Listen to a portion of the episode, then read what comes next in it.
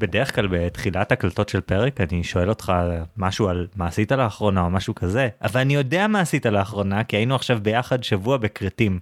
כן, קצת טיולים, קצת בטן גב, קצת uh, שיחות עמוקות על הנפש והחיים, היה מעולה. וקצת ללכת מסלולים של 19 קילומטר ואז שהרגליים יכאבו במשך ימים שלי הפסיקו לכאוב רק לפני 5 שעות אבל בסדר את זה אתה לא מזכיר אתה מדבר רק על הבטן גב ויחשבו שאנחנו לגמרי עצלנים. זה לא היה כזה מסלול קשה, אני עשיתי אותו בגיל 12. טוב, כל זה לא קשור לשאלה של הפעם שמגיעה מהמאזינה יערה. יערה שואלת, אני בת 33, נשואה כמעט 6 שנים, בלי ילדים. לפני כמה שבועות בעלי נפרד ממני ועזב את הבית. אין לי ספק שמבחינתו זה סופי. אני לא אלאה אתכם בכל הבעיות שהיו לנו שהובילו לפרידה. מערכת יחסים שלנו בהחלט לא הייתה מושלמת. אבל איך ממשיכים הלאה אחרי משהו כזה? למזלי, אני במצב טוב ויציב מבחינה כלכלית, אבל במשך רוב חיי הבוגרים, הזוגיות הזו הייתה הקרקע יציבה, שעליה בניתי את כל התוכניות שלי לעתיד, ובעצם את כל תפיסת העצמי שלי. אני לא יודעת מי אני מחוץ למסגרת הזו, או מה אני בכלל אמורה לעשות, או לאיזה יעד אני אמורה לכוון עכשיו. האמת שאני לא בטוחה מה בדיוק אני שואלת, אבל חגי ואורן, דונו. זה מעניין, אנחנו דיברנו בעבר על אה, dating, בטינדר זה כמו חיים בחלל החיצון, דיברנו על גידול ילדים, תינוק זה כמו חללית, ולעבור לגור ביחד ממש לא מזמן, שזה כמו היאבקות מזויפת, אבל דווקא על פרדות, על החלק הזה לא דיברנו, וזה מעניין כי זה החלק שבעצם יש בו הכי הרבה סימני שאלה והכי הרבה התמודדויות נראה לי. כלומר זה לא שאלות של מה לעשות וכן הלאה, אלא כזה להתמודד עם שינוי דרמטי במציאות שאין אי ודאות לגבי מה המשמעות שלו, שהוודאות היא הבעיה. זה באמת נושא שהרבה פעמים קשה לדבר עליו. הוא מלווה הרבה פעמים בתחושה של אה, בושה, אשמה, תחושת כישלון, ולאנשים מאוד קשה לפתוח את זה, או שהם מרגישים שזה משהו שהם לא רוצים שמכרים פחות קרובים ידעו בכלל שקרה. אז קודם כל, כל הכבוד ליערה שהיא, אה, שהיא מוכנה לפתוח את זה איתנו ככה. ואני חושב שחלק מהעניין זה שהתשובה שיש לכולנו לגבי מה לעשות בעניין הזה, זה אותה תשובה תמיד, נכון? פשוט לחכות? פשוט לחכות שזה יעשה פחות כואב, שזה ייראה אחרת, אבל לא בגלל שעשינו איזה משהו, וזו תשובה די מבאסת, כאילו, בטח לאנשים כמוני, שאנחנו מאוד אה, חסרי סבלנות, ופשוט להגיד לך, זה יהיה בסדר, חכה, זה ממש ממש קשה, אנחנו כל הזמן מחפשים מה לעשות, מה הדבר שאם נעשה אותו, זה ישפר דרמטית את המצב שלנו, ופשוט אין תשובה כזאת במקרה הזה. אז אני מקווה שנוכל למצוא איזה פרספקטיבה שלפחות תקל את המעבר, תקל את הכאב הזה בדרך. טוב, יערה כתבה שהיא לא בטוחה מה בדיוק היא שואלת, אז אולי בתור התחלה ננסה לעזור לה לנסח איזושהי שאלה. נראה לי שאולי מה שהיא שואלת זה איך היא יכולה למסגר את הפרידה, איזה מודל אפשר למצוא לחוויה הזו של אה, סוף של מערכת יחסים ארוכה, שייתן לה תקווה לעתיד. כי היא אמרה לנו מה המסגור הנוכחי שבא לה בטבעיות, וזה שהיא הייתה על קרקע יציבה, ועכשיו הקרקע הזו נשמטה לה מתחת לרגליים. וזה מסגור שלא עוזר, לא נותן לה תקווה לעתיד. אז אולי אנחנו יכולים לא בהכרח לתת לה עצה, כי שם באמת אין המון מה להגיד, אבל לעזור לה לחשוב על זה בצורה שתהיה חיובית יותר, אופטימית יותר. כן, הרבה פעמים הקשיים בדברים האלה זה שקשה לנו למצוא מה המשמעות או מה ההסבר למה שקרה, ואולי אנחנו ננסה להסביר מה בעצם קרה ואיפה את נמצאת עכשיו, ואולי הדבר הזה יעזור לך להתקדם. ואני חושב שלהתמודד עם פרידה זה כמו אופנת יוקרה. עובדים המון המון זמן כדי להשיג את זה, ואז סוף סוף משיגים את זה בהמון השקעה, ואז מגלים שזה בעצם היה זיוף. אורן, אתה פשוט גונב מהמאזין גיל שכתב לנו את זה בוואטסאפ, אבל אני אתן uh, טוויסט קצת אחר אחר כך. טוב, לדעתי קשר בין בני אדם זה קצת כמו קשרי מסחר בין מדינות, ואני uh, חושב שסוף של מערכת יחסים זה כמו הסרה של חסמי ייבוא. הלכת הכי רחוק מהעולם של אה, רגשות ותחושות וזה, לעולם של בירוקרטיה ודברים טכניים. אני ממש רוצה לראות איך תעשה את החיבור הזה. האמת, רציתי להגיד שזה כמו אה, כשספינה נתקעת בתעלת סואץ, אבל זה לא בדיוק ישב טוב. אז אה, חסמי ייבוא בצורה כללית יותר.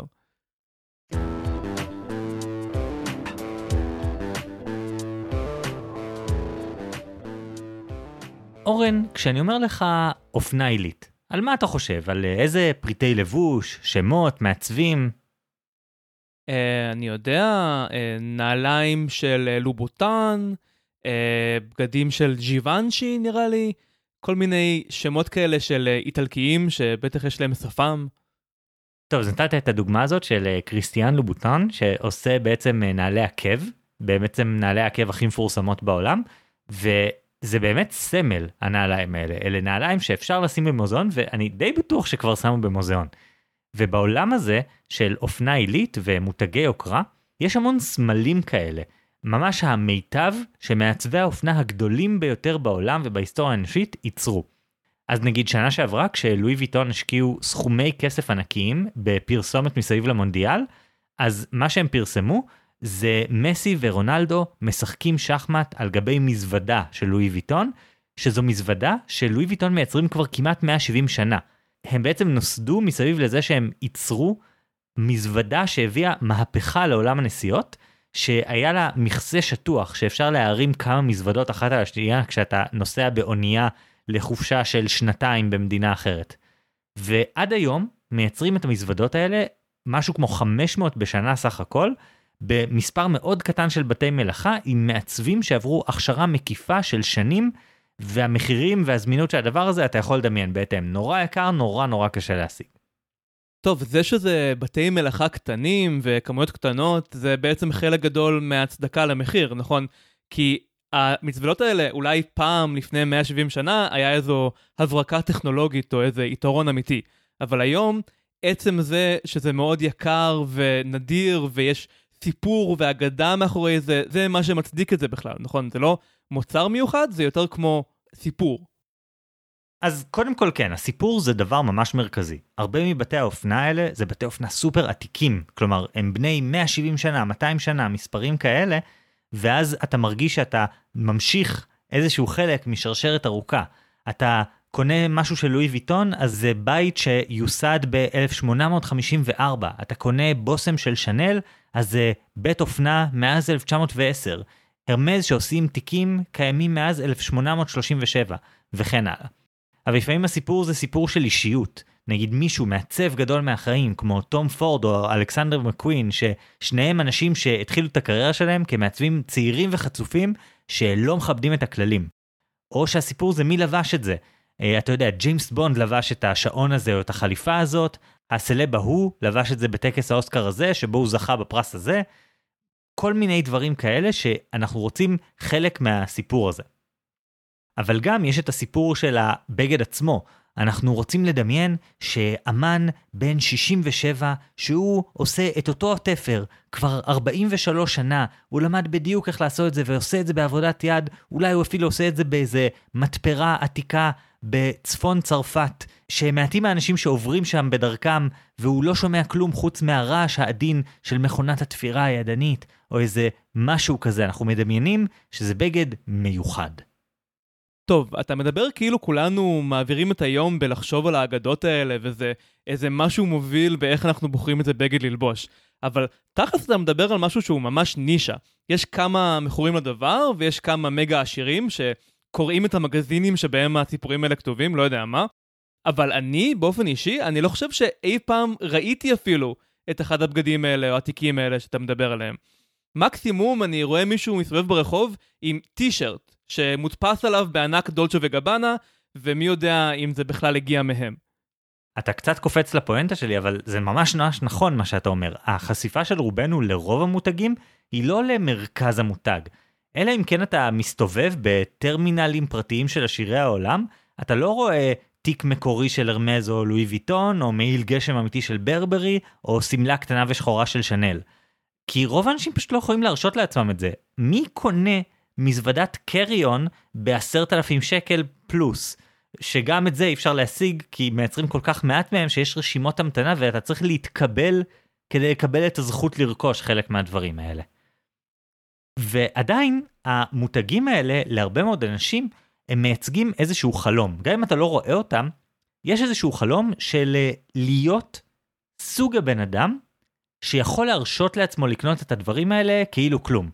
החלום הזה של אה, לגעת באיזה מותג בין 200 שנה, בזה שהמזוודה הזאת של לואי ויטון שנוצרה בעבודת יד היא באמת מוצר סופר איכותי שמנצח בקלות כל מוצר אחר בשוק, ממש יצירת אומנות על גלגלים שבאה איתך לשדה תעופה, וזה חלום באמת מאוד קשה להשגה. למה החולצה שאני ואתה לובשים כרגע עלתה, לא יודע, 50 או 100 שקל וזהו? בדיוק בגלל שלא היה אף מעצב על שעיצב אותה, לא היה אף חלק שיוצר בעבודת יד, חומרי הגלם הם לא יקרים בכלל, אלא סופר זולים, וזה יוצר באיזה מפעל עצום שמוציא מאות או אלפי חולצות בכל שעה. ואופנת יוקרה היא לא זה, היא לא אופנה מהירה. היא אופנה ש, שמישהו, אתה, ככה אתה אמור להאמין, השקיע בו בצורה דרמטית והוא באמת שווה יותר באופן מהותי. טוב, תן לי לנחש לאן אתה חותר עם זה, אז כמו שלואי ויטון רוצים שתחשוב שהם השקיעו אינסוף בכל תיק, ככה יערה מרגישה שהיא השקיעה אינסוף במערכת היחסים שלה, ואתה מנסה לומר שמה, שזו בעצם אשליה? אני אדייק טיפה.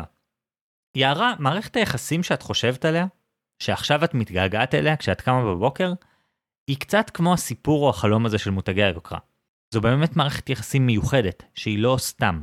היא באמת אה, פריט לבוש שכל תפר בו נעשה בעבודת יד, ובעצם הבד שלו הגיע מהשדה האחד בעולם, שמייצר כותנת ultimate פימה, שרק 11 טון שלה מיוצרים בכל שנה, ו- ועוד כל מיני פרטים כאלה. ועכשיו את מפחדת שאת חוזרת לעולם של טישרטים ב-50 שקל, אחרי שהיית בדבר המדהים הזה. כאילו, כמו שאורן אמר, את השקעת בדבר הזה, גם בן הזוג שלך השקיע בדבר הזה, היה שם איזה משהו קסום, מיוחד, נדיר, ועכשיו את בעולם הלא קסום, הלא מיוחד, הלא נדיר, טישרטים ב-50 שקל. אבל מה שאני רוצה להגיד לך, זה שזה בדיוק לא המצב. כי מה שקרה למערכת היחסים שלך, הוא בדיוק מה שקרה לאופנת היוקרה. פעם החלום הזה שדיברתי עליו של אופנת היוקרה היה באמת בלתי מושג. עבור רוב האנשים, שמות המותגים האלה שאמרתי היו נשארים לנצח שמות שהם שומעים אם הם במקרה צופים בטקס האוסקר או בשידור מפסטיבל כאן, משהו שהם אף פעם לא יוכלו להרשות לעצמם, הם יכולים רק להיחשף אליו במקרה. אבל לפני כמה עשרות שנים השוק התחיל להשתנות, ויחד איתו הנגישות של רוב האנשים למותגים האלה. צריך להבין שכל העסקים האלה שדיברתי התחילו כעסק משפחתי. לואי ויטון הוריש את העסק לז'ורג' ויטון, שהוריש את העסק לגסטון ויטון.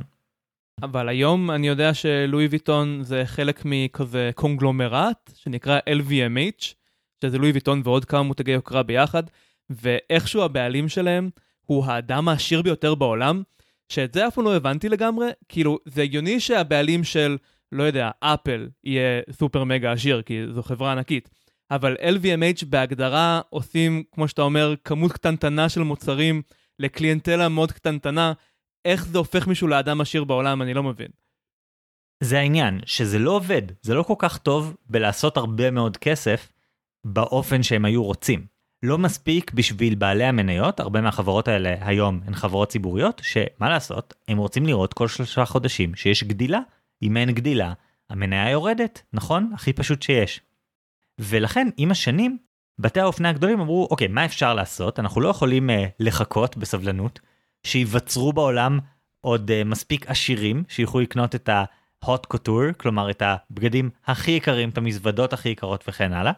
אנחנו צריכים לפנות למה שנקרא ה-middle market השוק של אנשים שהם לא מנכ"לים של חברות או בנקאים עשירים אלא אנשים יותר רגילים. והם עשו את זה באמצעות להוריד סטנדרטים. עכשיו, להוריד סטנדרטים זה שני דברים עיקריים. דבר אחד זה פשוט הוזלת עלויות.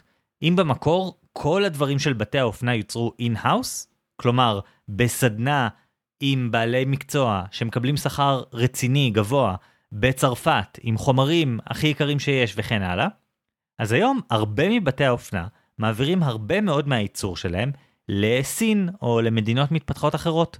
גם חומרי הגלם זה כבר לא מגיע מאיכר ספציפי שמייצר כותנה באיפשהו באירופה, אלא מפשוט המקום שבו הכותנה הכי זולה בעולם, או דברים כאלה, או משתמשים בחומרים כמו פוליאסטר בכלל. והם כמובן גם עברו מייצור ידני של הרבה דברים, לייצור תעשייתי במכונות ענק. נכון שיש יוצאי דופן, התיקים של לואי ויטון והתיקים של הרמס עדיין מיוצרים בסדנאות בנות 100-200 שנה. אבל שאר הדברים של החברות האלה החולצות שלהם, הבשמים, האביזרים האחרים, הם נעשים סופר בזול. והדבר השני שעשו זה להתחיל לייצר יותר פריטים זולים. נכון שתיק של לואי ויטון עדיין עולה אלפי דולרים, אבל ללקוח שרוצה, נקרא לזה חתיכה מהחלום הזה של מותג על, יש מלא אופציות. אה, הוא יכול לקנות בושם מספר 5 של שנל, או ליפסטיק של איזשהו מותג על ב-25 דולר, או טישרט במאות דולרים. נכון, זה עדיין פריט שעולה הרבה יותר מפריטים דומים, שהם לא של בתי אופנה עילית, אבל זה יהיה בהישג יד. אתה מסוגל לקנות משהו עם השם, סטייל הטישרט הזה שראית עם דולצ'ה וגבנה כתוב בענק, ובעצם אתה מקבל איזושהי חתיכה מהחלום. כן, אבל זה סוג של מביס את עצמו, נכון? כלומר, אם אני יכול בקלות לקנות טישרט שכתוב עליו לואי ויטון, אז עצם העובדה הזאת הופכת את המותג הזה, לואי ויטון, לפחות חלומי ושייך לעולם הקסום של הסלבריטאים והעשירים, נכון? זאת אומרת, בכך שהמותגים האלה מאפשרים לי ולאנשים כמוני לגעת או לתת להם כסף תמורת הזכות לגעת במותג, אנחנו מלכלכים את המותג עם הידיים העניות שלנו, וזה נשמע כאילו זה לא יכול להחזיק לנצח ככה. בדיוק, על הדפוס הזה של איך התפתחה תעשיית מותגי העילית, קראתי בספר של כתבת האופנה דיינה תומאס, שהפואנטה שלו מופיעה כבר בכותרת, Deluxe, How Luxury Lost Its Luster. מה שפעם היה מבריק ונוצץ, נדחק על ידי כוחות השוק והפך להיות פשוט עוד פריט אופנה מהירה שמיוצר על ידי עובדים מנוצלים מחומרים מזהמים. אותו מפעל שיכול להיות שמייצר בגדים של זרה, מייצר בפס ייצור ליד בגדים עם לוגו יוקרתי של דולצ'ה אנד גבנה או דיור או משהו כזה. עכשיו זה לא שהאופנה העילית נעלמה, עדיין יש כמו שאמרתי תיקי עבודת יד של הרמס ולואי ויטון, עדיין אפשר לרכוש שמלות בהתאמה אישית של דיור או של תום פורד, אבל יש פה איזה עניין של מה נקרא לזה שיעור הבסיס. כלומר, כשאתם רואים לוגו של חברת על, של מותג על כזה, מה כנראה אתם רואים? או שאתם רואים את הפריטים הזולים שהם חתיכה מהחלום בלי להיות יוקרה בשום מובן שהוא, שכל הכסף שהושקע שם הושקע רק בשביל השם של המותג, או יותר גרוע, פחות גרוע, לא יודע, פשוט חיקויים. כי בעצם ההערכה היא שבתעשיית האופנה מייצרים עשרות מיליארדי דולרים של חיקויים בכל שנה. אז באמת יש פה איזה עניין שאולי היוקרה הזאת קיימת איפשהו, אבל מה שאנחנו רואים, מה שרוב האנשים רואים, הוא כבר מזמן לא זה, ואני מסכים איתך, גם עשירי העולם מתחילים להרגיש שאם אני יכול לראות את המותג הזה מסתובב בכל פינת רחוב, בדיוק ביקרה אצלי לפני שהתחלנו להקליט, בדודה שלי שהיא מעצבת אופנה, ואמרתי לה שאני רואה מלא מלא שמות של מותגים כשאני מוציא את הכלבה בערב ליד השווארמה פה ליד, שאנשים פשוט באים עם כל הלוגוים של כל החברות אופנה הגדולות, ואתה פשוט יודע שזה באמת מלכלך את המותג במידה רבה. ולאנשים שאוהבים את זה זה קצת מבאס. טוב, זה באמת מאוד טרגי בשביל אותם מיליארדרים שעכשיו צריכים לפנות למעצבים יותר סודיים שהעמך לא מכירים, אה, ליבי יוצא אליהם. בוא, בוא נדבר שוב על יערה רגע. אה, אז אתה אמרת שליערה היה פעם משהו, או היא חושבת שהיה לה משהו שהוא כמו מותג יוקרה של פעם, אבל כבר אין לה. אז זה נכון שיערה איבדה משהו מאוד חשוב, אבל אני לא בטוח שאני יורד לסוף דעתך. כשאנחנו מסיימים משהו כמו מערכת יחסים, או עוזבים מקום עבודה או משהו כזה, אנחנו עושים איזושהי הסתכלות על מה שהיה לנו כמקשה אחת. אז יערה אמרה שהיא הייתה נשואה שש שנים, אני מנחש שהם היו ביחד עוד איזה שנתיים לפני זה נגיד, אז היא מסתכלת על שמונה שנים מהחיים שלה, ואומרת, וואו, מזה אני נפרדת, מאיזה משהו גדול שהיה שם. אבל היא לא נפרדת מזה, זה לא נכון להגיד את זה. מערכת היחסים הזאת היו לה כל מיני שלבים. סביר להניח שהשיא נקרא לזה של מערכת היחסים הזאת היה לפני 3, 4, 5 שנים, משהו כזה. לפני שדברים התחילו להשתבש. מערכת היחסים שיערה מתגעגעת אליה היא באמת המזוודה בעבודת יד של לואי ויטון. מערכת היחסים שיערה יצאה ממנה עכשיו היא הטישרט עם הלוגו הענקי שמיוצר בסין. יש לזה דמיון, זה נראה כאילו זה המשך של אותו הדבר, יש לזה את אותו לוגו, אבל זה פשוט לא. כמו שהרבה מאופנת היוקרה בעולם איבדה את היוקרתיות שלה, גם מערכת היחסים שיערה יצאה ממנה איבדה את הקסם שלה. וכל מה שנותר זה צל חיוור, שיש היגיון בלרצות להשאיר אותו מאחוריכם. טוב, זה תמיד נחמד כשאפשר להשוות את השואלת למשהו מגניב, וכאן אתה משווה אותה מיליונרית עם הטעם הטוב, שהלואי ויטון שפעם היה שיא הדבר הזה כבר לא זה בשבילה, והיא חייבת למצוא את המעצב החדש והמגניב שכרגע מכירים אותו רק ברחובות הצדדיים של מילאנו. עד כאן מאוד מגניב. ואני גם לגמרי מסכים שכנראה שמערכת היחסים ביום לפני שהיא הסתיימה היא לא מה שיערה מצטערת שהיא איבדה, ואולי כרגע קשה לה לראות שהאירוע עצמו של הפרידה היה סוף של משהו שאולי היה צריך להסתיים. מה שאני לא יודע זה אה, איך זה עוזר לה להתקדם הלאה. אמרנו שאנחנו מחפשים בשבילה מסגור אופטימי יותר, מסגור שיאפשר לה לראות את הצעד הבא. ובינתיים אתה מספר סיפור של אובדן. זה קצת שונה מהסיפור של הקרקע שנשמטה, זה יותר כמו משהו טוב שהושחת, אבל זה עדיין בעיקר עצוב. אני חושב שמי שבאמת נשאר בעולמות של אה, מותגי יוקרה, כמו שהם היום, באמת אין, אין לו משהו לא עצוב לחשוב עליו, פחות או יותר. כי בסוף אתה באמת מבין שאתה משלם הרבה מאוד כסף על משהו שהוא בעיקר אבק כוכבים. גם אגב, הרבה מזה באמת, אנחנו רוצים ללבוש משהו כי מישהי לבשה את זה בטקס פרסי האוסקר, וסלבים מקבלים הרבה מאוד כסף כדי ללבוש פריטים של מעצבי על, לטקס האוסקר ספציפית, פשוט כי זה באמת מביא מלא מלא מלא מכירות מיד אחר כך, אבל לא של הפריטים שהם לבשו בהכרח, אלא של פריטים אחרים זולים יותר, כי אנשים רוצים להגיד, יש לי פה אבק כוכבים. הארנק הזה שקניתי, שקניתי אותו ב-100 דולר, הוא מייצג את השמלה ב-30 אלף דולר שלבשה גווינת' פאלטרו או whatever בטקס ההוא. אני לא יודע אם היא עדיין דבר בכלל. ובעצם גם יערה החזיקה באיזה משהו שהוא אבק כוכבים. הכוכב זה המערכת יחסים של פעם, ומה שהיה בסוף זה, זה השירים של השירים של הדבר הזה. אבל זה לא אומר שהקסם הזה לא קיים במקום אחר. אם היא תמשיך לחפש אותו באמת במותגי האופנה הגדולים לצורך העניין, אז כן, היא לא תמצא אותו. אבל יש אלטרנטיבות. לא צריך לחכות את מי שמגיעים לאינפלואנסרים או לסלבים או לכל הדברים האלה. אפשר למצוא מקומות שמשחזרים את שיטות העבודה ואת האיכות של החומרים. כשהכנו את הפרק הזה, הראיתי לאורן איך אפשר לקנות טישרט לבן סטנדרטי של מותג אופנה יוקרתי באיזה 1200 או 1800 שקל, אבל אפשר לקנות בדיוק באותה מידה טישרט ב-750 שקל, שנעשה בעבודת יד בבית מלאכה בן יותר מ-100 שנה בבריטניה, שיחזיק לכם חיים שלמים, והוא עשוי מכותנה אורגנית שלא פגעה בסביבה ויוצרה באופן אחראי ואף אחד לא נוצל בכל התהליך, וזה יעלה לכם גם פחות וגם הכסף ילך באמת ללייצר משהו טוב. והפואנטה היא שיש המון אלטרנטיבות כאלה, זה, זה לא חסר בכלל. מעצבים עצמאים וצעירים שעדיין שמים דגש על מלאכת יד מהשורה הראשונה. אז מה שאני אומר ליערה זה שאת יודעת בוודאות שיש משהו כזה בעולם. שיש מערכת יחסים שהיא טובה, שהיא יכולה להחזיק לאורך זמן, שהיא תספק לך משהו שלא חווית כבר הרבה מאוד שנים, שהיא הדבר האמיתי ולא צל חיוור שלו. ואני אומר, תחזיקי את הידיעה הזאת וצאי לעולם לחפש את הדבר הזה. אני קצת מרגיש לא בנוח עם זה שאתה שולח אותה ישר למצוא מערכת יחסים חדשה. אני חושב שזה נטייה טבעית של אנשים שמדברים עם, עם מישהו שהוא אחרי פרידה, להגיד לו, אל תדאג, אתה תמצא משהו טוב יותר, אבל בין אם זה נכון או לא, אני מהמר שזה לא מה שיערה רוצה לשמוע. בין השאר כי זה נשמע כמו תיק, לא תיק של לואי ויטון, פשוט תיק ממש כבד להפיל על בן אדם. היא עשר שנים אחרי פעם אחרונה שהיא יצאה לדייטינג ועכשיו היא עם הלב השבור שלה ואתה רוצה לזרוק אותה חזרה לתוך האפליקציות או לא יודע מה, זה, זה לא נחמד. זה להוסיף לה ממש, אה, לבעוט, בה כשהיא למטה. אוקיי, okay, זאת נקודה טובה. אין לי ממש איך להתווכח עם זה, אתה ממש ממש צודק. זה באמת דבר שאומרים לאנשים אחרי פרידה ואני באמת מסכים שהוא בעייתי. כי זה במידה רבה להעצים את הקונטרסט הכי חזק. הייתי בתוך משהו, עכשיו אני מחוץ למשהו, וזה בדיוק הכאב בצורתו הגולמית והחדה ביותר.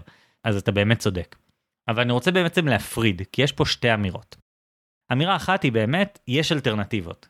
גם למי שרוצה להיכנס לעולם האופנה ולשים את הכסף שלו על בגדים ובאמת להשקיע בבגדים טובים, שהם לא fast fashion, שהוא יכול לסמוך על האיכות שלהם וכן הלאה, יש לו אלטרנטיבות והאלטרנטיבות האלה הן לאו דווקא ביוקרה שאיבדה מיוקרתיותה. אה, וזה תשובה אחת. אבל באמת יש פה משהו יותר מיידי. שאני יכול להגיד ליערה, ובזה אני רוצה לסיים. יערה, מותר לך להתגעגע, מותר לך להתאבל, מותר לך להבין שיש משהו שנותר מאחורייך. אבל מה שחשוב להבין, זה שמה שאת עוזבת כרגע, לא הוא הדבר שאליו את מתגעגעת. היו תקופות שמערכת היחסים הזו הייתה באמת אופנת היוקרה שאת מדמיינת, באמת הפריט המושלם הזה. היו כאלה. וזה הגיוני וסביר וצפוי להתאבל על זה שהדבר הזה כבר לא שם. אבל הדבר הזה כנראה לא שם כבר הרבה מאוד זמן. אלא אם כן הפרידה הזאת הגיעה בהפתעה מוחלטת, ואני מנחש שהיית אומרת לנו אם זה המצב, אלא אם כן זה מה שקרה, כנראה שהייתה תקופה ארוכה של הידרדרות הדרגתית לאט לאט. אז אני לא אומר אל תתגעגעי. אני אומר תתגעגעי לתקופות היפות שהיו לכם ביחד, ולהבין שזה שמערכת היחסים נגמרה עכשיו, זה בגלל שהתקופות האלה הן מאחורייך. כשתביני את זה, יהיה לך הרבה יותר קל להניח את זה מאחורייך, ואולי להתחיל לחשוב על הצעד הבא.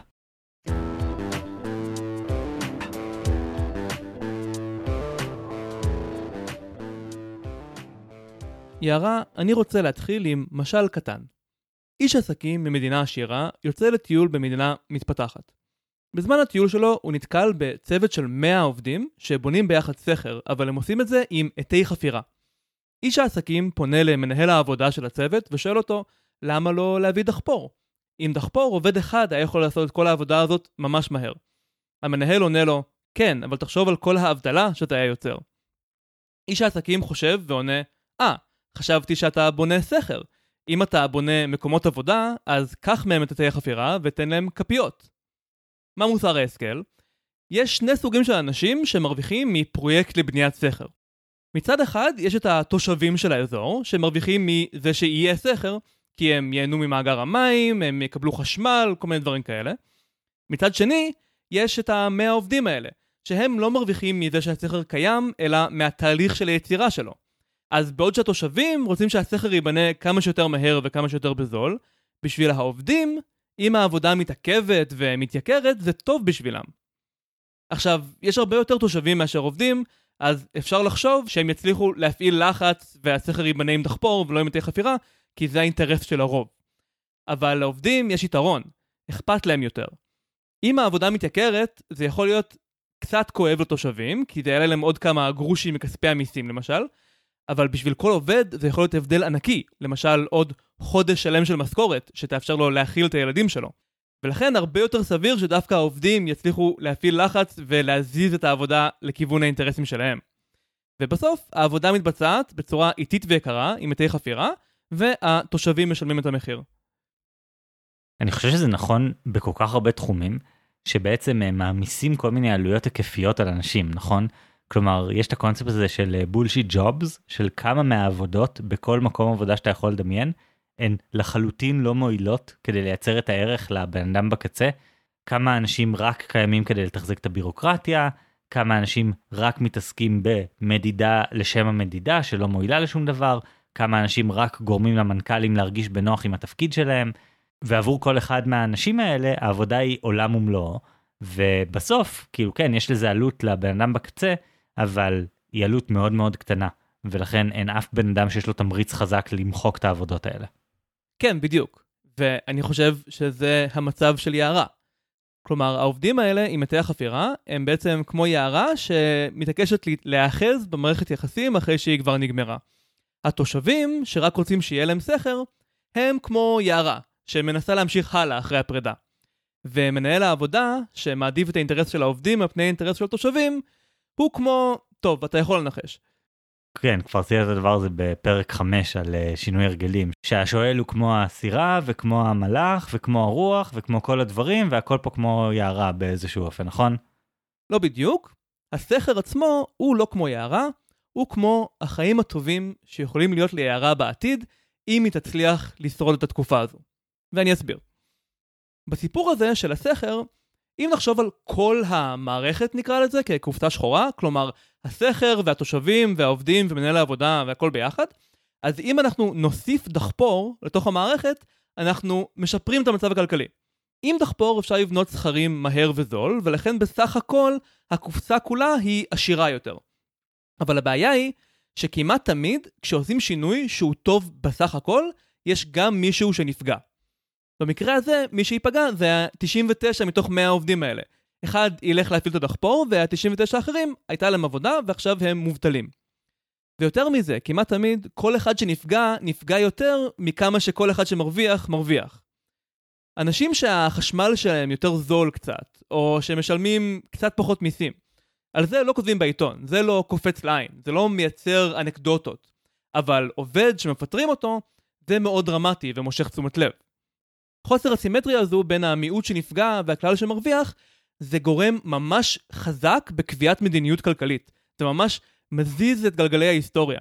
והדוגמה הכי ברורה לזה היא חסמי יבוא. זו מדיניות שנקראת פרוטקציוניזם. טוב, זה כבר uh, ממש מהעולמות שלי, אז אני אסביר. פרוטקציוניזם זה כשאתה בעצם לוקח איזושהי תעשייה שיש בתוך מדינה ואתה מחליט שצריך לשמור עליה, לא משנה מה זה יעשה. כלומר, אתה אומר, נכון, יכול להיות שנגיד החקלאות בישראל היא יקרה מדי, היא לא יעילה, מבזבזים מלא חומרים, בסוף יש פה יחסית מעט שטחים, אז אי אפשר לעשות פה מה שנקרא economies of scale, כלומר זה אי אפשר להתחרות ככה ביצרן שנמצא במדינה גדולה פי חמש, כל מיני דברים כאלה. אבל אתה אומר, לא, אני, חשוב לי שהחקלאים ימשיכו לייצר פה, וחשוב לי שתמשיך להיות פה תעשייה, וחשוב לי שהתעשייה הזאת לא תהיה פגיעה למה שקורה במדינות אחרות. אז מה אני עושה? אני יכול ממש לאסור להכניס דברים לארץ, או להגיד שמותר להכניס רק בכמויות מסוימות. אני יכול לשים איזשהו מס על היבוא, שזה מה שנקרא מכס, ועוד כל מיני דברים כאלה. יש את הסיפורים הקלאסיים עם אה, אננס, שמותר להביא אננס, אבל רק אם מורידים לו את הראש, או משהו כזה, והוא עבר איזושהי בדיקה, כאילו דברים שכאילו היפותטית אתה יכול להביא, פרקטית לא. והתוצאה היא שהתעשייה המקומית נשארת בחיים, גם אם היא לא יעילה כלכלית, גם אם היא מפסידה מלא מלא כסף, גם אם המוצרים נעשים נורא יקרים, פשוט כי מנעת כל אפשרות אחרת. כן, בדיוק. בעצם יוצרים לתעשייה המקומית שוק שבוי של צרכנים מקומיים. זה מגן על המשקיעים והעובדים של אותה תעשייה, וזה דופק בעצם את הצרכנים שהיו מעדיפים לקנות סחורה אה, זולה יותר, או איכותית יותר, או גם וגם מחו"ל. וזה בעיקר חשוב, או רק חשוב, כשהתעשייה המקומית לא הייתה מצליחה להתחרות בתחרות הוגנת. כי אם התעשייה המקומית לא הייתה לא יעילה, אם הייתה עושה מוצר ברמה עולמית, אז ההגנות האלה לא היו משפיעות, כי תמיד יותר קל לקנות סחורה מקומית אם היא עומדת ברמה של המתחרים. יותר מזה, אפילו אם התעשייה כן הייתה טובה בהתחלה, העובדה שיש חסמי יבוא מעודדת אותה בעצם להפוך לגרועה יותר, כי למה להמשיך להתחרות כשאין באמת תחרות? למה לא לחסוך עלויות? למה לא לקצץ באיכות? והתוצאה הסופית היא שאנחנו, הצרכנים, משלמים הרבה יותר בסופר על עגבניות או על יוגורט, מאשר מה שמשלמים במדינות אחרות. וזה אומר שכדי למנוע את הכאב הבולט יותר, הפוטוגני יותר, של קבוצה קטנה של אנשים, במקרה הזה חקלאים, אנחנו מפזרים כאב שבמצטבר הוא הרבה יותר גדול, אבל מחלקים אותו על פני כל מי שגר כאן. כן, אבל עדיין יש פה פגיעה, נכון? כלומר, עם כל זה שאפשר לדבר על יעילות, אני השתמשתי כל הזמן במילה הזאת יעילות, נכון? יעילות זו מילה נורא קרה, שנורא כאילו קל להגיד אותה, אבל בסוף יש פה אנשים, כאילו, כשבן אדם מאבד עבודה זה באמת דרמטי, במיוחד אם אתה מחסל קומפלט את התעשייה שבה הוא עבד, ואז הוא אפילו לא יכול למצוא עבודה חדשה, פשוט כי אין עבודה שהוא מוכשר לעשות אותה. אז כאילו אתה הורס למלא אנשים את החיים, וכאילו מה עשית בזה? מה הרווח? כמה שקלים? כאילו לכל בן אדם. אתה חושב שאנשים לא היו מוכנים לשים כמה שקלים כדי להחזיק את הכלכלות האלה ואת האנשים האלה במקום העבודה שלהם? אתה לגמרי צודק. כלומר, אין ספק שלהסיר חסמי יבוא ישפר את המצב של המדינה, שוב, כקופסה שחורה, כמכלול. אבל אי אפשר להתעלם מזה שבטווח הקצר תהיה תקופת מעבר מאוד מאוד כואבת, שבה הרבה אנשים ייפגעו, ולא יהיה בכלל ברור למה זה טוב. נניח למשל שאנחנו מסירים את כל המכסים ואת כל חסמי היבוא מהחקלאות. ממש בן לילה, אלפי אנשים בחקלאות יאבדו את העבודה, הם יהיו מובטלים, יהיה צריך לעזור להם עם אה, דמי אבטלה, שזה בעצם כספי מיסים. והשדות שקודם השתמשנו בהם למשהו, ייצרנו שם עגבניות או מה שלא יהיה, עכשיו כנראה שהם פשוט יעמדו ריקים, כי אף אחד לא רוצה את העגבניות היקרות יותר של התוצרת הישראלית, אז פשוט השדות האלה יעמדו ריקים, אף אחד לא ידע מה לעשות איתם. ובמקביל אנחנו מחכים כאילו שיגיע הדבר הטוב, אבל לוקח זמן עד שהסחורה המיובאת מתחילה לזרום. אז ייקח זמן עד שהמחירים בסופר ירדו. בטווח הקצר אולי הם אפילו יעלו בגלל הבלגן. אז כן, בטווח הקצר זה כואב. אבל צריך להבין שהעובדים האלה שהם מובטלים והשדות האלה שעומדים ריקים, הם לא רק כאב, הם גם פוטנציאל. ברגע ששחררנו אותם מהשימוש הקודם, שהיה לא יעיל, אפשר למצוא משהו טוב יותר לעשות איתם. את העובדים אפשר להכשיר לעבודה אחרת, שיכולה להצליח בלי הגנות מיוחדות, זאת אומרת שלא צריכה סיוע ממשלם המיסים כדי להיות רווחית, ובשדות אולי אפשר לשתול יבולים מסוימים שישראל באמת יכולה להצטיין בהם, או שאפשר אולי לבנות שם דיור, או לבנות שם מפעל, או לעשות איתם משהו מועיל יותר. האחריות של המדינה במצב כזה הוא לקצר את תקופת המעבר. אם ממשלה מסוימת באמת uh, מחליטה להוריד את חסמי היבוא של החקלאות, הייתי מצפה ממנה, עוד לפני שמתחילים את זה, לבנות תוכנית של איך אנחנו עוזרים למי שייפגע. איך אנחנו נעזור לעובדים להשתלב במקומות אחרים. מה נעשה עם עובדים מבוגרים יותר, שכבר אי אפשר לצפות שהם יוכלו לעשות הסבה? איך נמצא שימוש חדש למשאבים, כמו השדות האלה? או ההון סיכון, שפעם היינו משקיעים אותו במשהו בתעשייה הזו, ועכשיו כאילו אין מה לעשות איתו, הוא שוכב אצלנו בבנק. אם המדינה לא עושה את כל זה, אז באמת יהיה המון המון כאב, ואז אולי זה באמת לא שווה את זה. אבל עם העבודה הנוספת הזאת, אני מרגיש שזאת הדרך לשפר את הרווחה של כולנו בסופו של דבר. אני מרגיש שאני יודע לאן אתה חותר, כאילו זה יחסית ברור במקרה של יערה. אתה בעצם מנסה להגיד ליערה משהו שהוא קצת דומה למה שאתה ביקרת אותי, על זה שאמרתי, שתכלס זה טוב בשבילה שהקשר יסתיים, ועכשיו היא יכולה לעבור למשהו יותר טוב, למערכת יותר טובה, למערכת שבה האהבה מחולקת באופן אופטימלי, באופן יעיל, או משהו כזה. אתה לא מרגיש שאתה חוטא, או הולך לחטוא עוד רגע כשאתה ייתן את הטיפ שלך, בדיוק באותה הבעיה שאתה האשמת אותי בה? אתה לגמרי צודק שהמערכת יחסים כנראה ביום שבו היא הסתיימה הייתה לא טובה, הייתה צריכה להסתיים. אני מתאר לעצמי שליערה קצת קשה לשמוע את זה כרגע, וזה מרגיש לה מאוד לא נכון, אבל מבחוץ, תשמעי, אדם לא קם ועוזב מערכת יחסים שעובדת מעולה. ואם כן, אז זו בעיה בפני עצמה, ואולי זה גם סיבה שטוב שהוא יעזוב. ובכל מקרה, עצם זה שהוא רצה לעזוב, זה כבר מספיק לדעת שעדיף שהחבילה תתפרק, מאשר שיערה תישאר עם מישהו שלא רוצה להיות שם. אז עד כאן אני מסכים איתך לגמרי, אבל אני מרגיש שאתה לא נתת כלים מה לעשות עם זה. זאת אומרת, אמרת, אוקיי, לכי תמצאי משהו אחר וטוב יותר, כי מה שהיה לך לא היה טוב. ואני אומר, יערה, תחשבי על עצמך כמו קופסה שחורה, כמו שעשינו קודם עם הסכר או עם חסמי היבוא, ותראי שהמערכת כולה, המערכת שנקראת יערה, הרוויחה. אבל, כמו בכלכלה, כל שינוי, אפילו הוא מעולה בשביל הסך הכל, תמיד יש מישהו שנפגע ממנה. אז למרות שיערה בכללותה מרוויחה מהשינוי, יש חלק ביערה שמפסיד. זה החלק שהוא עדיין מחויב לאותה מערכת יחסים, שרוצה את מערכת היחסים לא כי היא טובה ליערה, אלא פשוט בפני עצמה. וכמו עובדים שהשקיעו שנים רבות ובנו קריירה בתעשייה מקומית לא יעילה, יש איזה שהם משאבי נפש של יערה שהיא השקיעה אותם במשך שנים רבות במערכת יחסים מקומית לא יעילה. והחלק הזה ביערה הפסיד עכשיו המון, והוא הפסיד את זה מאוד מהר. זאת אומרת, כאב בטווח הקצר, ממש כמו הסרה של חסמי יבוא. יערה בכללותה הולכת להרוויח, אבל זה יהיה רווח הדרגתי לאורך הרבה מאוד זמן. והרבה מהרווח הזה עוד לא ממומש. כי השדות עומדים ריקים. זאת אומרת, בעלה עזב, והיא לא מילאה את המקום הזה בנפש שלה עדיין. בינתיים יש לה איזה חלק בחיים שלה, חלק בלב שלה, שהוא פשוט ריק. היה שם משהו ועכשיו אין שם כלום. וברור שההפסד הזה הוא הרבה יותר כואב מכמה שהרווח הוא משמח. זה משהו שגילה דניאל קהנמן, שיש לנו כבני אדם מה שנקרא שנאת הפסד. זאת אומרת, כשאנחנו מאבדים 10 שקל, אנחנו הרבה יותר עצובים מאשר כמה שאנחנו שמחים כשאנחנו מקבלים 10 שקל. ויערה איבדה משהו מאוד יקר לה, ויש איזושהי מחשבה שבעתיד היא תקבל משהו שיהיה שווה יותר, אבל זה לא סימטרי בשבילה. אבל כשיש מדינה, אז אפשר לעשות באמת את הדבר הזה של להשקיע משאבים בתוכנית הכשרה מחדש, ואפשר uh, לנסות להקל את תקופת המעבר הזאת, אבל פה בגלל שיערה היא כל הדברים ביחד, כמו שאמרת בהתחלה, בגלל שהיא גם עובדים שהם מפסידים וגם עובדים שיכולים להרוויח, והיא כולם, אז היא לא בדיוק יכולה להפעיל על עצמה כלים ש, שבעצם uh, מייצרים אלטרנטיבות. זה לא שהיא יכולה להגיד לעצמה, טוב, הנה, אני אייצר לך uh, נחמה רגשית לתקופה הזאת, עד שתרגישי יותר טוב. כן, יערה מצאה את עצמה בתוך אותה תקופת מעבר כואבת, והיא לא עשתה את מה שאני אמרתי שממשלה צריכה לעשות. היא לא הכינה מראש תוכנית, כי היא לא ידעה שזה הולך לקרות. אני מתאר לעצמי שלבעלה עכשיו קל יותר, כי הוא כנראה התכונן לרגע הזה לפני שהוא לחץ על ההדק. אז כן, זה רע, אין לי מה להגיד, זה ממש ממש רע. ואפילו במקרה הכי אופטימי, ייקח הרבה מאוד זמן עד שזה ירגיש כאילו היא הרוויחה משהו.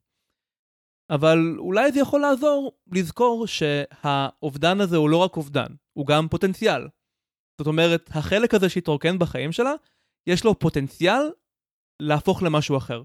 אולי זו מערכת יחסים אחרת, אולי זה איזשהו שינוי בחיים, אה, מעבר דירה, אה, אימוץ של כלב, אני לא יודע מה. יש כל מיני אפשרויות שלא היו אפשריות כשהיא הייתה עדיין במערכת היחסים הקודמת, או שהיא בכלל לא הייתה פנויה לחשוב ולדמיין אותם, כי היא הייתה מושקעת כל כך עמוק בדבר האחר הזה. ויערה, אם היא מקשיבה לזה עכשיו, אני מתאר לעצמי שהיא גם לא יודעת להגיד מה יכול למלא את החלל הזה. וזה חוסר ודאות. חוסר ודאות זה ממש מפחיד. ושנאת הפסד זה דבר אמיתי וחזק. אבל בסופו של דבר, ברוב המקרים מוצאים דרך קדימה. אם נחזור רגע לכלכלה, למרות כל מיני טלטלות שהכלכלה הישראלית או הכלכלה העולמית עברה, כל מיני טכנולוגיות שגרמו לזה שמקצועות מסוימים עברו מן העולם, אה, מתחרים חדשים שקמו לתעשייה המקומית בחו"ל, שינויים ברגלי הצריכה, עלייה באוכלוסייה, ירידה באוכלוסייה, בסוף מאוד מאוד נדיר שיש גל של אבטלה שנשאר לאורך זמן. אנשים מוצאים את הדרך להתפרנס, והחברה בכללותה נהיית עשירה יותר ויותר, זה מאוד קונסיסטנטי. וזה נכון גם לגבי מערכות יחסים. כמעט תמיד אנשים מוצאים דרך קדימה. אז אני לא יכול לומר לך, יערה, שאת בוודאות תמצאי את דרכך לחיים טובים יותר. אני כן יכול לומר שזה בדרך כלל מה שקורה. ואני מקווה שזה קצת עוזר. זה מאוד יפה מה שאתה אומר, אבל אתה צריך להבין שהרבה מהדברים האלה הם קצת היתממות. כלומר, גם אני קראתי כל מיני דברים על העולם הזה של חסמי ייבוא ופרוטקציוניזם, ואחד מהדברים שאומרים זה שבעצם, נכון, הכלכלה מתקדמת, הפגיעה בכלכלה שנוצרת מאובדן מקומות עבודה הוא מטופל באיזשהו אופן, אנשים, כלומר שיעור האבטלה חוזר חזרה למטה אחרי העלייה הנקודתית כשיש פתיחה של השוק, אבל אני גם יודע שהרבה מהאנשים שפוטרו, לצורך העניין ב, לא יודע, מכרות הפחם של מרכז ארצות הברית, האנשים האלה פשוט לא מוצאים עבודה שוב. כלומר, הם באמת נשארים מאחור. וכשפוליטיקאים מבטיחים להם הבטחות, אנחנו נדאג לכם, זה בדרך כלל שקרים. לא משנה אם משקרים להם שנחזיר את העבודות חזרה, או אם משקרים להם שנעזור לכם להתאקלם. שתי האמירות האלה, הרבה פעמים הן שקרים. כלומר, מישהו הולך להיפגע פה בוודאות. וכשאני חוזר לנמשל, אני שואל, מה פה לדעתך הולך להיפגע בוודאות? מה בעצם יערה יכולה להגיד לחלק בתוכה שבאמת יישאר מאחורה? אני לא רוצה ליצור כאן מצג שווא כאילו מה שאמרתי הוא משהו שכל הכלכלנים מסכימים עליו. מה שאמרתי הוא עמדה פוליטית. יש אנשים שהם בעד סחר חופשי, יש אנשים שהם בעד פרוטקציוניזם והם לא מתביישים להגיד את זה. ואני לגמרי מבין את זה. זאת אומרת, יש נפגעים אמיתיים למדיניות שאני מציע. אפשר לעשות כל מיני דברים כדי לצמצם את הפגיעה, אבל זה לא מושלם, וגם הרבה פעמים אה, רצים קדימה ואומרים שיעשו את הדברים האלה שימנעו את הפגיעה, ובפועל לא תמיד עושים. וכמו כמעט בכל דבר, כשיש שינוי גדול, מי שנפגע זה החלשים. זה 100% נכון. אני גם לא רוצה להעמיד פנים שהחוויה שיערה עברה היא איכשהו הכל לטובה, זה היה אמור לקרות ככה, את צריכה להגיד תודה שהזדמן לך לחוות את החוויה הזאת. לא, כאילו, זה רע. זה, זה מאוד מאוד כואב ולא נעים. ויש משהו ביערה שכן, שנשאר מאחור, שיישאר מאחור מערכת יחסים הזו, לא יהיה לה שוב נישואים ראשונים. אבל בזה אין לה שליטה. זאת אומרת, זאת עלות שקועה, מה שנקרא. יהיה לה את זה ככה או ככה. היא יכולה אה, לסרב להודות בזה, או, או איכשהו להיאחז בתקווה שמשהו יהיה אחרת, זה רק יהיה לזרוק עוד כסף אחרי הכסף שהיא כבר איבדה.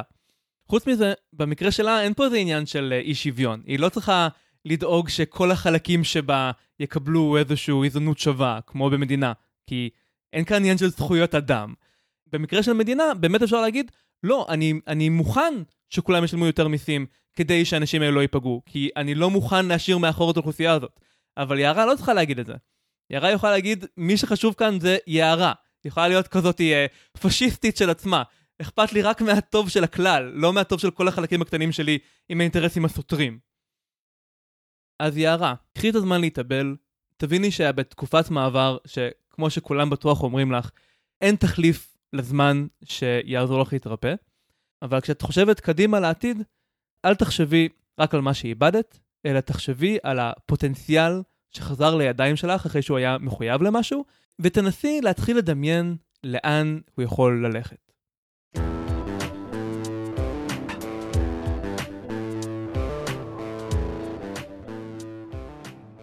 אורן, מה שאהבתי במודל שלך הוא שהוא מנסח משהו מאוד מאוד נכון שאני מתמודד איתו הרבה פעמים בפרקטיקות של ייעוץ. להסביר ללקוח שהוא מתאר בעיה שהיא מאוד זמנית. אני אתן דוגמה, בעיה תזרימית של עסק. אם העסק הוא בסך הכל בריא, אבל כרגע אין לו כסף, אנחנו לא צריכים לחשוב על איך אנחנו פותרים את הבור הנוכחי, באותו אופן שאנחנו צריכים לחשוב על איך העסק צריך להתפתח לאורך זמן.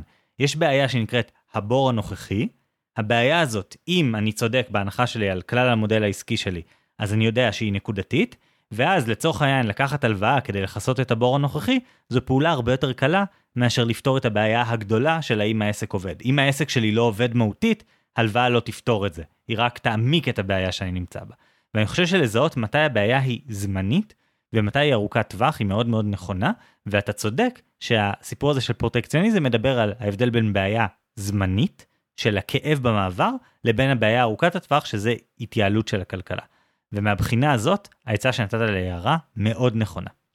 אבל אני חושב שדווקא המודל שלך לוקה בזה שהוא אומר בעתיד יהיה יותר טוב ואיזושהי הסתכלות שמתעלמת מהכאב של הטווח הנקודתי. ואני חושב שהמודל שלי נתן יותר הסבר, יותר משהו להיאחז בו, כשהערה מנסה להרגיע את עצמה ולהרגיש יותר טוב כרגע. בלהבהיר לה למה המצב שהיא נמצאת בו הוא לא טוב, ולא רק להגיד, פשוט, המצב הוא לא טוב, ותתקדמי הלאה. חגי, אני מאוד אהבתי את מה שהבאת כמודל איך מערכת יחסים מתדרדרת. אני לא בטוח אם זה בדיוק מה שיערה שאלה אותנו, אבל אני חושב שזה משהו שאולי יעזור לה לשמוע. איך משהו שיודעת שפעם הוא היה טוב וחשוב וחלק גדול מהחיים שלה, יכולה אולי להבין איך הוא יידרדר, והדבר שהסתיים הוא לא אותו דבר. ובעצם יש כאן סוג של אשליה, כמו שלואי ויטון משלים אותנו שהטישרט שאנחנו קונים, איכשהו יש בו את אותה איכות של התיק הזה בין ה-170 שנה. ויכול להיות שזה יעזור ליערה קצת אה, להשלים יותר בקלות עם האובדן שלה. אבל אני חושב שאם המטרה הייתה לתת לה מסגור שיעזור לה כלפי קדימה, מסגור שייתן לה תקווה, אז כאן אני חושב שזה היה קצת יותר חלש, כי אתה אומר לה, לכי תמצאי משהו טוב כמו שהיה לך טוב פעם. ברור שזו המטרה, אבל אני לא יודע אם ממש עזרת להבין איך עושים את זה, או איך אפילו נכנסים לראש של לעשות את זה. כמובן, מי שהחליט איזה מודל היה יותר נכון, זה לא אנחנו, אלא אתם המאזינים. יומיים אחרי שהפרק יוצא, נעלה סקר לקבוצת הוואטסאפ שלנו ולעמוד הפייסבוק שלנו, שבו תוכלו להכריע איזה מודל ממדל בצורה יותר טובה את סופה של מערכת יחסים. האם זה אורן והפרוטקציוניזם? או חגי והאופנה העילית. חוץ מזה, אנחנו מזמינים אתכם כמו תמיד להצטרף לקבוצת הוואטסאפ שלנו, חובה להשוות בוואטסאפ, או אם אתם מתעקשים, אפשר גם להצטרף לקבוצת הפייסבוק שלנו, שגם לה קוראים חובה להשוות.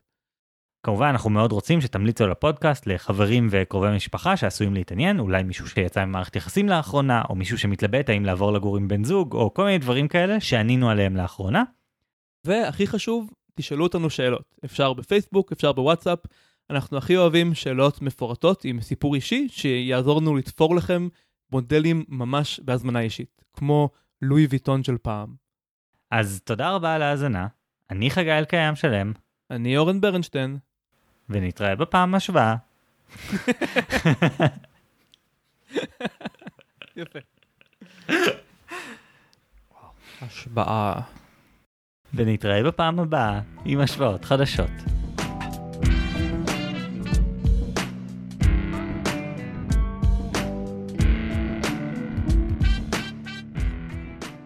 חגי, אני חושב שמה שעשית פעם זה רמאות. פשוט אמרת לאנשים להיות נחמדים לעצמם ולאכול משהו טעים מדי פעם, והפלא ופלא, זכית בסקר. כן, 71% מכם הסכימו איתי שהאופן להפסיק להיות טרמפיסט בחיים ולהרגיש שהחיים שלך מתקדמים כמו שאתה רוצה ולא להיות כל הזמן מתוסכל מלאן אתה הולך, זה דווקא להיות נחמד לעצמך, להבין שאתה האורח במסעדה שהיא החיים שלך, כמו במסעדות משלן, ולעשות כל מה שאפשר כדי לתת לאורח את החוויה המושלמת שנותנת הכרה לאישיות הייחודית שלו ולמקום שלו בעולם. כן, רק 29% מכם הסכימו איתי שהמאזין קובי צריך uh, להשתחרר מהגדרות ולעבור למודל של מופתים. כלומר, לא להגדיר בדיוק מה הגבול של חיים טובים, אלא למצוא לעצמו דוגמאות מאוד ברורות שמייצגים את המרכז של מה שהוא שואף אליהם, ולהיות פחות מודאג ממצבי קצה. למשל, לא לתהות יותר מדי זמן האם קורנפלקס הוא מרק. וכרגיל, מאז שעברנו לדיונים בוואטסאפ, יש כמות אדירה של דברים שהיינו יכולים להביא לפה. בילינו עכשיו איזה רבע שעה פשוט בלחתוך תגובות ולחשוב מה אנחנו יכולים להכניס לתוך הזמן המוגבל של הפרק. אז אנחנו ממש ממליצים לכם להצטרף לקבוצת הוואטסאפ כדי שתראו את כל הדיונים, אבל אנחנו נביא כזה את הדברים הנבחרים שהצלחנו למצוא, מצטערים שלא הצלחנו להגיע להכל.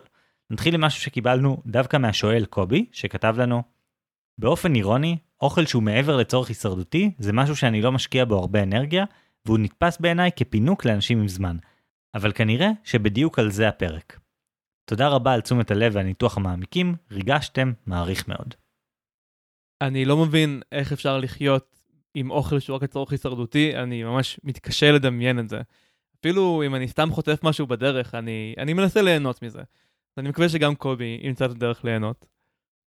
טוב, נמשיך לכמה תגובות מהוואטסאפ. אה, שחר כתב, חגי דיבר על משהו שהוא כל כך חשוב, שירותיות כלפי עצמנו. אני עושה עכשיו קורס ניהול פרויקטים, והנושא של חוויית לקוח מאוד מאוד חזק שם.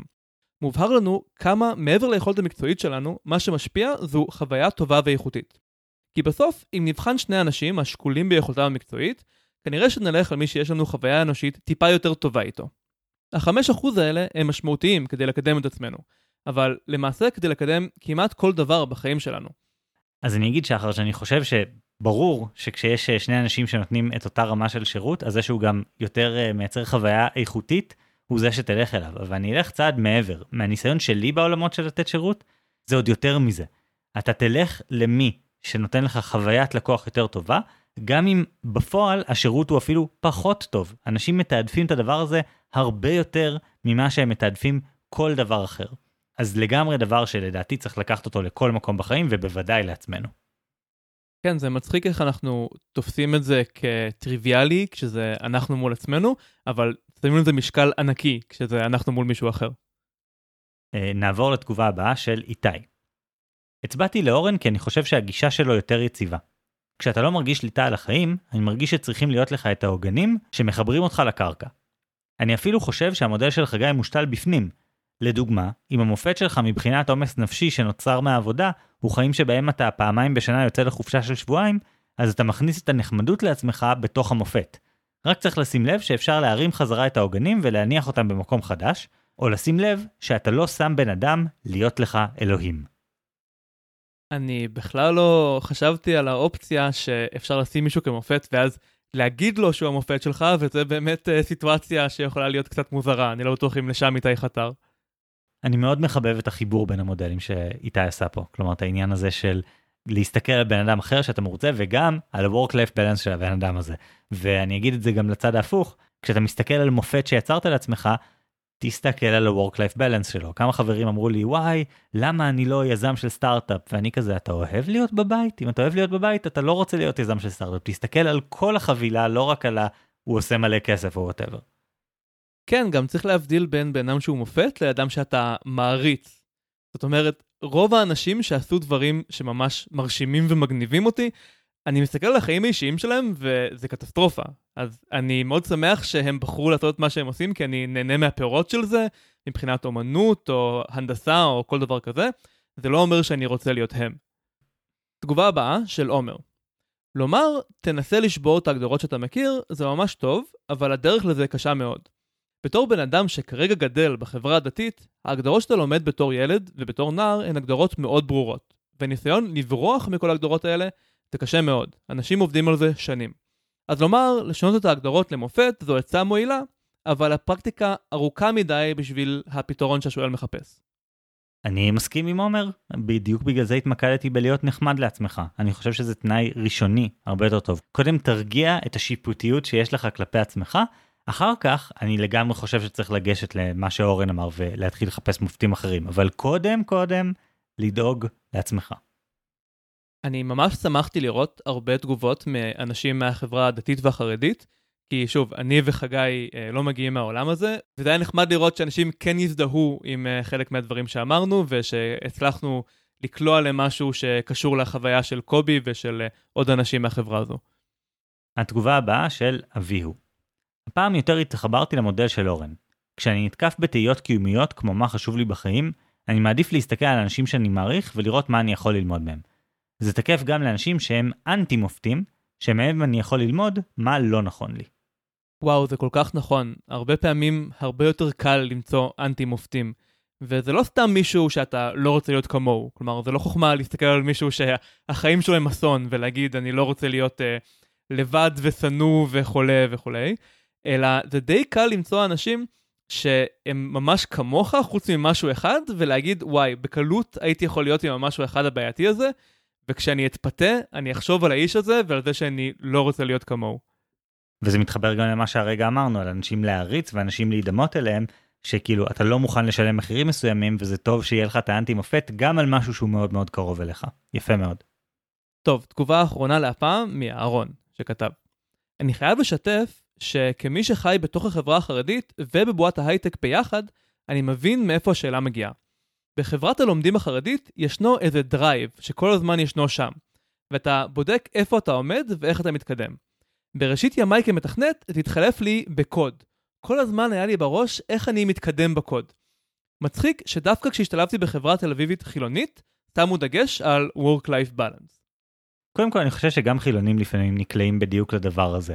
ברגע שאתה נכנס למנטליות כזו של מרוץ, של השוואה עצמית, זה מנטליות שממש ממש ממש קשה לצאת ממנה. גם עשינו על זה פרק, על כמה להשוות את עצמך לאחרים.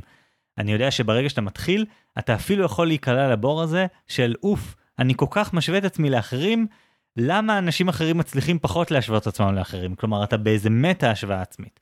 אז מאוד קשה לצאת מזה, גם אם לא הגעת עם הגישה הזאת מ... לא יודע, מהעולם החרדי.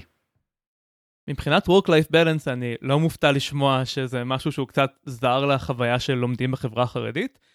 ויש גם הרבה אה, נישות או אה, קליקות בתוך החברה החילונית שבהם יש עוינות ל-Work-Life Balance. יכול להסתובב עם אנשים עם שאיפות להיות סטארט-אפיסטים, והם התרברבו כמה מאוחר הם במשרד, שהם ישנים באוטו שלהם, לא יודע מה, ושהם עושים הכל כדי להגיע לאקזיט. ואין בזה את המימד המוסרי נקרא לזה, של האדם בחברה חרדית שמנסה להיות יהודי טוב, אבל זה מאוד דומה. בסוף זה סוג של סט ערכים מסוים, שאנשים חיים לפיו.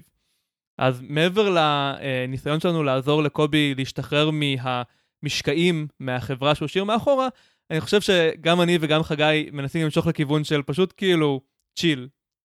פשוט תמצא דרך לחיות עם עצמך, שבה אתה לא כל הזמן מעמיד לעצמך סטנדרט בלתי אפשרי.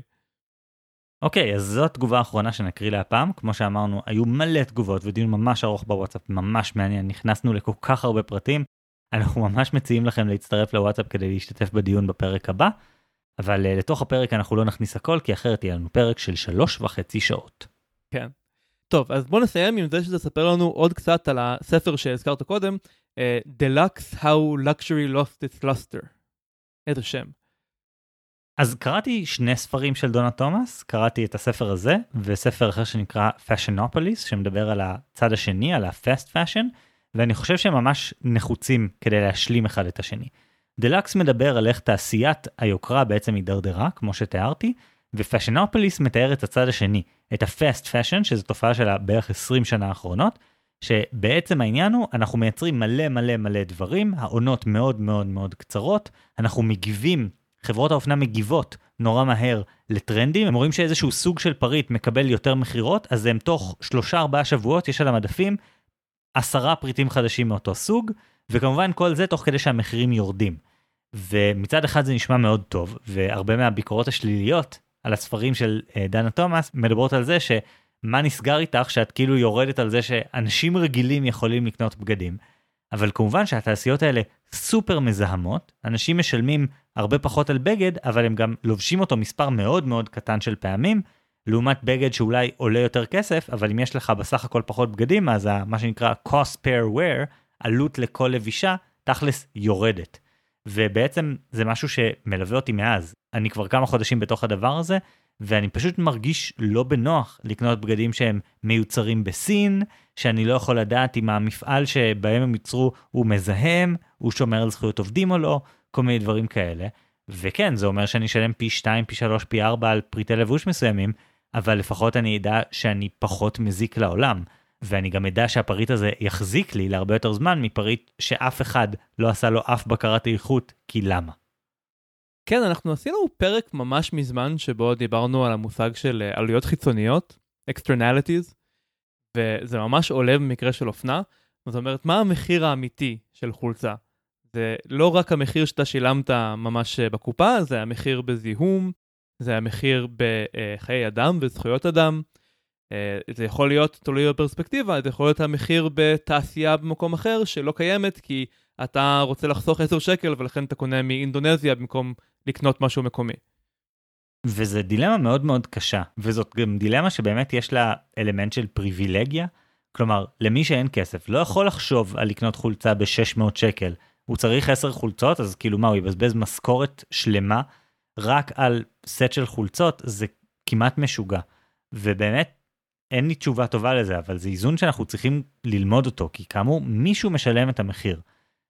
עכשיו זה, זה על הצד של ה fast fashion, אני אגיד שגם לתעשיית יוקרה, זה מדהים להבין כמה הצורך הזה להיות כפוף לנקרא לזה משטר תאגידי, כלומר לזה שיש לך בעלי מניות והם דורשים לראות שהקו של המכירות עולה למעלה, איך הדבר הזה לוקח גם דברים שמתגאים בכמה הם מיוחדים ואיכותיים ונדירים וכן הלאה, וגורר אותם לפשוט בוא נייצר עוד, בוא נרוויח עוד כסף, בוא לא נחשוב בכלל על המורשת שלנו ועל מה אנחנו משאירים בעולם ומה אנחנו מייצגים, אלא רק על השורה התחתונה. וזה מעניין לראות את המקומות שדווקא כן מצליחים לשמור על זה, כמו הזכרת בפרק את uh, קריסטיאן לובוטון שעושה נעלי עקב, וזאת חברה שפשוט מסרבת לגדול, יש 35 עובדים סך הכל בכל העולם, הוא פשוט מסרב לייצר עוד מעבר למה שהוא יכול, הוא שומר על מספרים נמוכים. גם הרמז בעצם ידועים בדבר הזה, הם לא מתמסחרים באותו אופן כמו לואי ויטון, וזה דבר חשוב וצריך לעודד את זה כש, כשאפשר. אני ממש אהבתי את הטריק של לובוטן, שהסוליה עצמה אדומה, וזה אומר שאחרי מספר לבישות ממש קטן זה כבר מתחיל להינזק, וזה כאילו, זה הסמל של המותג, זה הסוליה האדומה. אז או שאתה לובש את זה רק במקרים סופר מיוחדים, או שמהר מאוד אתה צריך זוג חדש. ואני רק אגיד שזה די מצחיק שהמודעים שלנו תכלס מתחברים במקום הזה שבלי הגלובליזציה המשוגעת, כלומר פתיחה קיצונית של חסמי ייבוא, לא היה אפשרי להגיע לדרדור הזה של תעשיית האופנה ולא היה אפשרי שיהיה את כל העניין הזה של ה fast fashion, הוא מתאפשר בגלל שאין גבולות בכלל בתעשייה הגלובלית של האופנה. כן, ובהמשך לזה, אין לי ספר להמליץ כל כך, אבל אני רוצה להשקיע עוד כמה דקות כאן בסוף. זה לא קשור לנמשל, זה לא קשור ליערה, ולכן לא כל כך נכנסתי לזה בזמן הפרק עצמו, אבל עוד כמה מילים על פרוטקציוניזם לעומת סחר חופשי, כי זה מורכב, כן? אני גם הרגשתי קצת מוזר להיכנס לכזה נושא טעון פוליטית, זה משהו שאנחנו בדרך כלל נמנעים ממנו, אז אני אנצל כאן את אחרי הכתוביות להגיד, יש הרבה סיבות טובות כן לשים חסמי יבוא. למשל, תעשייה צעירה שרוצים לעודד אותה, אז יש טענה שצריך לתת לה זמן להעמד על הרגליים, ואז בהמשך היא כן תוכל להתחרות, אבל אם ניתן שוק חופשי מהרגע הראשון, אז היא אפילו לא תיוולד. Uh, יש אנשים שאומרים שחשוב שיהיה למשל תעשיית נשק מקומית, כדי שיהיה לנו uh, אספקה של נשק בזמן מלחמה. יש שיקולים כאלה, הם גם אולי לגיטימיים. זה סיפור די מורכב. ואולי מה שהכי מדבר אליי זה בדיוק מה שהזכרת לגבי זכויות עובדים ועוד סוגים של externalities. זאת אומרת, אם אני קונה בגד שיוצר בארץ, אז אני כמצביע, כאזרח, יכול לוודא שהעובדים שייצרו את הבגד הזה, היה להם תנאים, היה להם שעות עבודה סבירות, יש להם דמי אבטלה, חופשת לידה, כל הדברים האלה. אם אני הולך לאינטרנט וקונה מאלי אקספרס, או מה שלא יהיה, אני לא יודע מה התנאים, זאת אומרת, אני כן יודע. אני יודע שאנשים צעירים מדי עבדו שעות ארוכות בלי שום זכויות באיזשהו מקום שכוח אל בעולם, כי ככה משיגים את המחיר הכי נמוך. וזה טיעון מאוד סביר גם אה, לטובת חסמי ייבוא, וגם לטובת לקנות דווקא סחורה מקומית. שאם חשוב לך ההשפעה על העולם, ולא רק האיכות, אתה לא רק צרכן כאילו הומו אקונומיקוס שחושב רק על הרווחה של עצמו, אלא ראייה רחבה יותר, אז כן, לפעמים הגיוני שזה שלם יותר. ואני רק אתן המלצה אחרונה בעניין הזה. באופן כללי, הדרך שאני מחפש דברים לקנות, אני באמת מחפש לפי סוסטיינביליות, כאילו לפי כמה החברה יכולה להוכיח לי באיזושהי דרך שהם עושים משהו כדי א', לשמור על זכויות עובדים לאורך שרשרת הייצור, וב', להשתמש בחומרים פחות מזהמים. סתם כדוגמה, יש לי שני זוגות של נודי ג'ינס, זה חברה שוודית, שהייצור שלהם הוא לא נעשה בשוודיה או משהו כזה. לא, הם מייצרים בטורקיה, הם מייצרים בתוניסיה. אבל, כשאני נכנס לאתר שלהם, ולג'ינס הספציפי שאני רוצה לקנות, אני יכול לראות כל שלב בתהליך הייצור, איפה הוא קרה, מי הספק, מה תנאי העבודה של הספק, נודי בעצמם עושים ביקורות פתע אצל הספק ויש דוח שאפשר לקרוא על ביקורות הפתע האלה, וזה משהו שאנחנו יכולים לדרוש. נכון, משלמים על זה ביותר כסף, אבל שוב אני אזכיר, כל כסף שאתם לא משלמים, פשוט מישהו אחר שילם את הדבר הזה. אז אם זה חשוב, אם זה מדבר אליכם, אה, צאו לחקור. אפשר להתחיל מהספרים שחגי המליץ עליהם, ופשוט תנסו שתהיה לכם במודעות. אז נראה לי שזהו להפעם. כן, אני אורן ברנשטיין. אני חגי אלקיים שלם. ביי!